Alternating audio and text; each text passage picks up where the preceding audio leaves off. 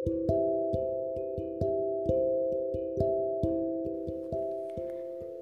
orang, bahagia itu sederhana ya.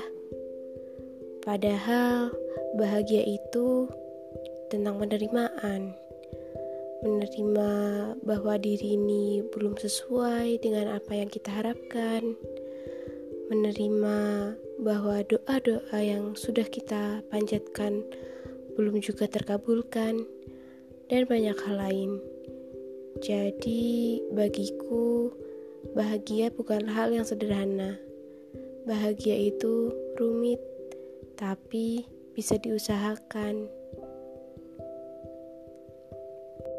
thank you